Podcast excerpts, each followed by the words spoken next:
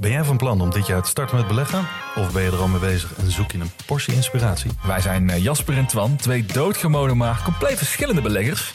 En iedere donderdag vertellen wij in onze podcast de lange termijn over onze beleggingsreis, onze lessen en met name onze fouten. En dat allemaal op een eh, vermakelijke en een langdrempelige manier. Alsof je met ons in een kroeg staat. Met een whiskietje erbij. Lekker. Dus luister eens naar onze podcast De Lange Termijn.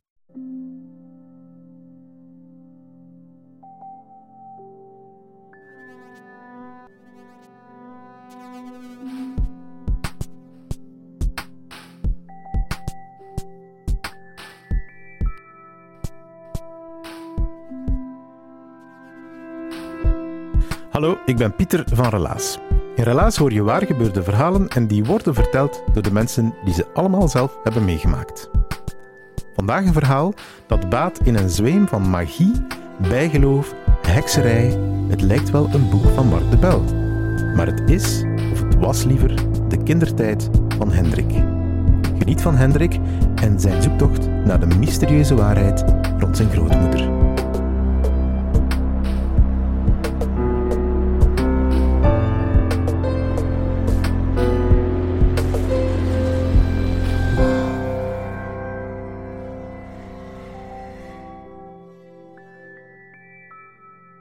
Zitten hier ongetwijfeld mensen die al eens met waarzeggerskaarten geëxperimenteerd hebben. Ofwel zelf, ofwel professioneel. Of uh, ooit eens op een paranormale beurs bij iemand gegaan. Uh, ik leg zelf ook van die waarzeggerkaarten. En uh, ik leg Lenormand.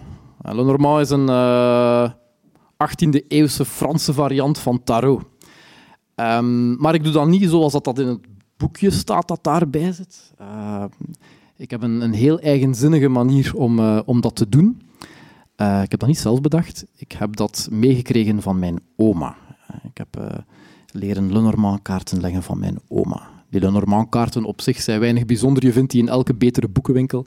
het leggen zelf, daar zit wel een verhaaltje achter.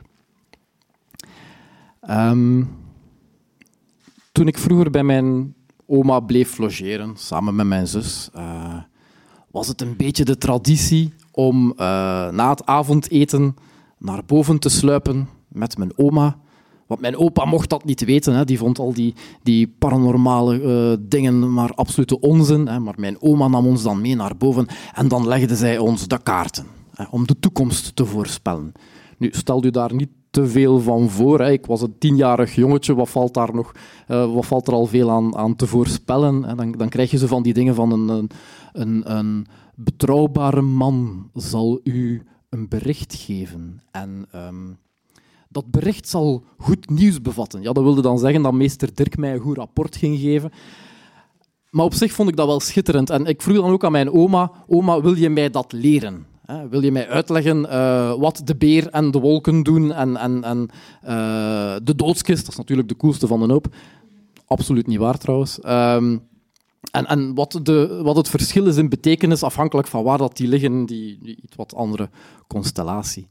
Uh, en mijn oma was er altijd een beetje weigerachtig tegenover om mij dat te leren. Zij had zoiets van een beetje feminisme avant la lettre misschien, maar zij vond dat dat iets was dat van moeder op dochter of van uh, grootmoeder op kleindochter uh, moest doorgegeven worden. En, en ja, het valt misschien wel wat op, ik ben uh, niemands kleindochter. Um, maar na lang genoeg zeuren heeft het mij uiteindelijk toch geleerd. En, en dat was wel, wel heel erg plezant. En ik herinner mij nog heel goed, mijn, mijn oma woonde in een, een, een heel mooie burgerwoning vlak aan het kerkhof van Yper.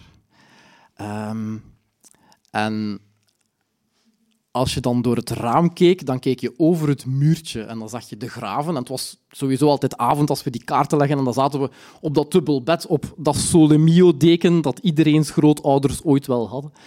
Um, en, en, daar leerden ze mij dat. En, en dat, dat, dat, dat, huis dat altijd een beetje heel erg naar katten rook. Um, dus ik heb daar uh, enorm veel goede herinneringen aan. Het enige jammere eraan is dat ik er eigenlijk niet in geloof.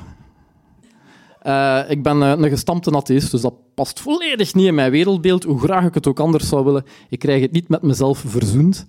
Um, maar ik, ik, ik doe het wel en, ik, en, en het heeft ook zijn nut. Je hebt vast wel al zelf eens dat gevoel gehad van ik zit met een probleem en ik kom er niet uit. En dan gaat hij naar uw beste kameraad. Uh, en dan zegt hij van, hey Hendrik, heb je het al eens op die manier bekeken? Een of andere hele eenvoudige oplossing voor een, voor een heel complex probleem. En dan denk je, ah ja, ja, waarom heb ik daar nu zelf niet aan gedacht? Als je met je neus te dicht op de feiten zit, ja, dan, dan, dan kijk je er natuurlijk los overheen. En die kaarten helpen wel om je als uw kameraad op reis is, hè, van wat afstand te pakken en, en, en je eigen probleem vanuit een andere hoek te gaan bekijken. En, en wat dat betreft heb ik die, die, kaarten altijd wel heel erg leuk gevonden en heb ik die ook voor andere mensen wel uh, gelegd. Dus dat is zo uh, een beetje een ding. Mijn oma is ondertussen overleden, al een paar jaar. En september vorig jaar zat ik bij de dichtste aanverwante van mijn, mijn oma, haar jongere zus, mijn groottante. En waren we daar op, op visite. We hadden uitgebreid gegeten en, en boven de koffie uh, spreekt mijn, mijn oudtante mij aan. En ze zegt, ik heb een vraag, maar ik ga eerst nog een beetje een verhaaltje doen over, over je oma en, en mezelf. Um, en het, ging eigenlijk, het begon eigenlijk bij, bij hun papa. En, en, dit verhaal kende ik sowieso wel al. Een van de beter bekende familieverhalen uh, bij ons thuis. Uh, mijn overgrootvader, dus de papa van mijn grootmoeder en mijn oudtante, was een gedecoreerde oorlogsheld. Een verzetsheld eigenlijk. Um, en, uh, en een messenwerper, om het helemaal maf en cool te maken. Uh, er heeft mij niemand ooit kunnen bevestigen of hem ooit een Duitser genekt heeft door te werpen met een mes. Maar wat hij wel gedaan had, was in, in dat huis, datzelfde huis waar ik heb leren uh, die kaarten leggen, uh, die had daar wapens verborgen. En om het volledig allo-allo te maken, Britse piloten op een bepaald moment. Dus hoe cool is dat? Daar, daar eindigt het wel uh, een beetje, het, het, het hele coole. Want ehm, de man was een absolute bullebak het is natuurlijk zo dat om, om eh, bij het verzet te gaan, bij het gewapend verzet te gaan, daar heb je een bepaald karakter voor nodig. Het waren niet de doetjes die dat deden. Uh, en, en, van dat bepaald karakter had mijn overgrootvader uh, bakken. Um, en hij was niet zo goed voor zijn gezin. Hij was zelf heel slecht voor zijn gezin. In die mate dat hij op een bepaald moment besloot: Weet je wat? Eén dochter is eigenlijk wel voldoende. Wat heb ik nou aan twee dochters? En hij heeft zijn oudste dochter, mijn oma, het huis uitgezet. En de jongste, mijn groottante, die, die nog leeft, vandaag nog, uh, gehouden. Om redenen mij en hen trouwens ook niet bekend. Uh, die, die twee mochten zelfs geen contact meer hebben met elkaar. Hoewel dat die wel een, een, een goede band hadden. Mijn oma dus buiten gezet. Um, en dat heeft misschien wel begrijpelijk, altijd wel voor wat rivaliteit gezorgd tussen die twee, die twee dames. Ik heb ze alle twee alleen maar gekend als ze al, als vrij oud waren. Um, maar er zat vooral aan de kant van mijn oma dan wel wat, uh, wel wat venijn uh, naar haar jongere zus toe, omdat nu eenmaal die jongere zus mocht thuisblijven en zij op weg naar haar werk voorbij het ouderlijke huis, datzelfde huis, moest fietsen um, en niet binnen mocht en met niemand mocht praten. Um, toen ik aan mijn oma vroeg, terwijl zij mij leerde om, om kaarten te leggen, van waar heb je dat zelf geleerd? Zij zei, ik heb dat geleerd van mijn tante. En nu begonnen zo de puzzelstukjes van dat verhaal, hè, eh, ancient history, uh, wat in elkaar te vallen. Zij is uh, opgevangen geweest door haar tante en zelfs geadopteerd geweest door haar tante, die zelf geen kinderen had. Um, het was die tante die, die Lenormand-kaarten legde. En, en, zij heeft dat geleerd aan mijn oma. Mijn oma heeft dat dan uh, uiteindelijk aan mij geleerd. Het heeft een generatietje overgeslagen, want mijn moeder was er helemaal niet in geïnteresseerd. Um, en dat was een hele lange aanloop van mijn oudtante om uiteindelijk te belanden bij haar vraag. Zij, zei van, kijk, um, die tante, groottante, overgroottante zelfs, die um, heeft je, je, oma leren Lenormand-kaarten leggen. Maar die had ook een boek. Een handgeschreven boek. Met, je raadt het, toverspreuken. Ja, um, zie het een beetje als Vlaamse volksvoodoo. Um, wat zijn dan het soort dingen die daarin stonden? Uh, bijvoorbeeld... Um, als eh, de boer van de boerderij verder eh, de paaltjes weer al eens had verzet om zijn, eh, zijn land uit te breiden, dan kon je wraak nemen op hem door vacht van zijn koeien te stelen, zo wat aardjes, en dan wat, wat, wat, wat aarde van zijn akker en daar dan een mengseltje mee maken. En dan moest je bepaalde zegswijzen eh, onder een bepaalde maan over dat brouwseltje uitspreken, nog een aantal ongetwijfeld mystieke ingrediënten aan toevoegen. Dan dat middeltje onder een andere maan dan in die weide gaan uitgieten en dan gaven de koeien zure melk, bijvoorbeeld. hè. Dat, is, dat is als je een beetje boos was. Ehm, er stond wel nog, nog veel erger in ook. Ehm, en mijn, mijn, mijn oud-tante gaat verder. Dat, dat handgeschreven boek was niet van mijn overgroottante, dat ging nog één generatie vroeger terug. Dus de grootmoeder van mijn grootmoeder. Is iedereen nog mee? Dat is vreselijk ingewikkeld. Grootmoeder van mijn grootmoeder was de effectieve auteur van dat handgeschreven boek. In het Noord-Frankrijk van niet deze eeuwwisseling, maar die er nog eens voor, ehm, was er in Frans-Vlaanderen en een goede hap van West-Vlaanderen ehm, een, een huishoudnaam die ouders gebruikten om hun kinderen bang mee te maken. Als je boterhammetjes niet flink opeet, of als je niet op tijd naar je bed gaat, of als je blijft liggen, dan komt Lucie Priem jou halen. De heks Lucie Priem. En wat dat die dan deed met die kindjes nadat ze ze was komen halen, werd volledig overgelaten aan, aan de fantasie van die, van die arme kinderen. Ehm, en dat was een huishoudnaam omdat ook de volwassenen bang waren van Lucie Priem. Zelfs mensen die haar nog nooit ontmoet hadden, waren bang van die vrouw. Dat was mijn bed overgrootmoeder. Dus, ehm, zij was ook degene die dat boek had geschreven. En dat paste volledig binnen een, een, een, een image die ze ook grotendeels voor zichzelf had geschapen. Ehm, als je die vrouw iets in de weg legde, dan gebeurden er hele nare dingen met jou. Die dame was ook een, een vroedvrouw. Hoe kan het ook anders, zou je denken? Ehm, maar zij was het, het, soort, het soort vroedvrouw die je vroeg omdat je bang was om het niet te doen. Denk aan het sprookje van Door een roosje. Die ene boze vee die je dan niet gaat uitnodigen op eh, het doopfeest van je kind. Ja, dat is vragen om miserie. En dan stonden, dan stonden er in dat boek waar, ja, nog, nog andere spreuken ook die mensen heel erg ziek kon maken of die relaties kon eh, doen breken eh, of mensen zelfs dodelijk ziek kon maken en, en, en dat zelfs over meerdere generaties. Of dat ook effectief zo was, valt nog te verifiëren. Maar het werkte wel. Mensen waren doodsbang van Lucie. Komen we weer bij dat boek. Mijn ehm oud-tante heeft eh, in haar leven en ook haar kinderen ontzettend veel ongeluk gehad. Op vlak, medisch vlak vooral. En dan vooral eh, haar dochter en haar kleindochter. Allerlei ongerelateerde, vreemde medische problemen. En, en sommige van echt van medische aard. eh, een, een, vreemde spierziekte, een, een, zeer obscure erfelijke aandoening, een, een auto-ongeluk. En is als aangetrouwde familie, want het is een zeer kleine familie, daarmee dat ook zo opviel. Hè, de, de ene kanker na de andere. Ehm, en die mensen hadden ondertussen al zoveel tijd in het ziekenhuis doorgebracht dat de radertjes waren gaan werken. De rivaliteit tussen mijn oud-tante en mijn oma het feit dat daar een boek was die doorgegeven geweest is over drie generaties heen, waar vloeken in stonden. En het feit dat er duidelijk aan die kant van de stamboom de nodige dosis venijn zat.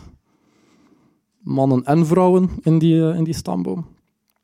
Hebben mijn oud-tante doen geloven, als we dat boek in handen krijgen, dan staat daar misschien een ontvloeking in. Dus, Hendrik, heb jij dat boek gevonden? Ja, sowieso, ik zat al op het puntje van mijn stoel. Wat een geweldig verhaal. Heb ik dat boek gevonden, Anticlimax? Nee, geen boek. Ik zat er ondertussen al wel helemaal mee in mijn hoofd, bij het idee van, verdikke, we moeten dat boek vinden. En, en de enige plaats waar dat boek zich nog kan bevinden, en dan gaan we weer terug naar dat huis bij het kerkhof. Je weet wel, dat huis waar je wapens kwijt kan en, en twee hele Britse piloten daar moet je ook zo'n boek kwijtraken. En ehm, dat huis is nog eigendom van de familie, van mijn ouders. En ehm, daar zitten huurders in. En ik wou dat ik nu een, een heel coole anekdote kon gaan ophangen over hoe ik dat boek uh, ben gaan halen. Ik heb het, uh, het boek nog niet in handen. Ik ben het ook nog niet gaan vragen, omdat ik mij ben blijven afvragen hoe moet ik in vredesnaam nu naar die huurder stappen. Hey, goedemorgen. Hebben jullie ooit het gevoel gehad dat jullie in het poltergeisthuis wonen? Wel, dat komt omdat je huis recht op een oude Navajo begraafplaats gebouwd is. Een beetje zoals in een slecht Amerikaanse horrorfilm. Hey, um, hebben jullie hier toevallig een, een, een oud handgeschreven kwaadaardig zwarte magieboek gevonden? We willen het graag terug. Dus uh, het boek is nog niet terecht. Geweldig zou het zijn als dat wel zo zou zijn? Ik weet niet of ik het ga vinden. Ik weet dat ik één deze zeker de moed ga vergaren om het wel te gaan vragen. Um, daar eindigt het verhaal nog niet helemaal. Als al die verhaaltjes dus kloppen, ben ik de laatste praktiserende nazaat van de grote boze heks Lucie Priem. Um, en iets wat ik wel altijd geweten had, maar nog nooit de puntjes had verbonden. Mijn um, ouders dachten tijdens de zwangerschap van mezelf dat, uh, dat ik een meisje zou zijn. Dus ze hadden twee namen voorbereid. Hè. Hendrik in geval van een jongen, dus je ziet al wat het geworden is. En in geval van een meisje had mijn moeder zeer lukraak een naam uit de stamboom gekozen met het idee dat dat een goed voorteken zou zijn voor de rest van mijn leven. De naam kan je wel raden. Precies, Lucie. Willen jullie graag de kans uh, grijpen om is het kaartje gelegd te krijgen van de laatste nazaat van uh, Grote Boze Heks. Ik blijf nog even na hierna, dus uh, kom mij zeker aanspreken, ik heb ze bij. Dank u wel.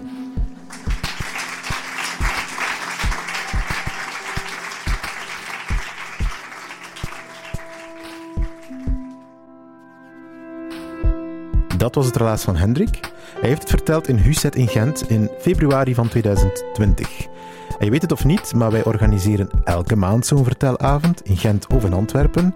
En vier mensen vertellen daar in onze living een waar gebeurd verhaal. Hendrik heeft het zijne verteld net voor de pauze, want aan twee verhalen houden we een korte pauze. En wat tovert die man uit zijn zak? Tarotkaarten, zo waarzeggerskaarten. Hij heeft zich in de pauze dan ook zo als een soort Madame Blanche aan een tafeltje gezet. En mensen die daar zin in hadden, heeft hij hun toekomst voorspeld. Je moet maar eens kijken op onze Facebook, daar staan een aantal foto's van Hendrik met zijn tarotkaarten. De relaas krijgt steun van de afdeling cultuur van de stad Gent en van de Vlaamse gemeenschap. We hebben heel veel vriendjes, maar onze beste vriendjes zijn Huzet, Den Hopzak, Urgent FM, Pulp Deluxe en Chase. En jullie ook natuurlijk, de relaas-luisteraars. Jullie komen een beetje van overal.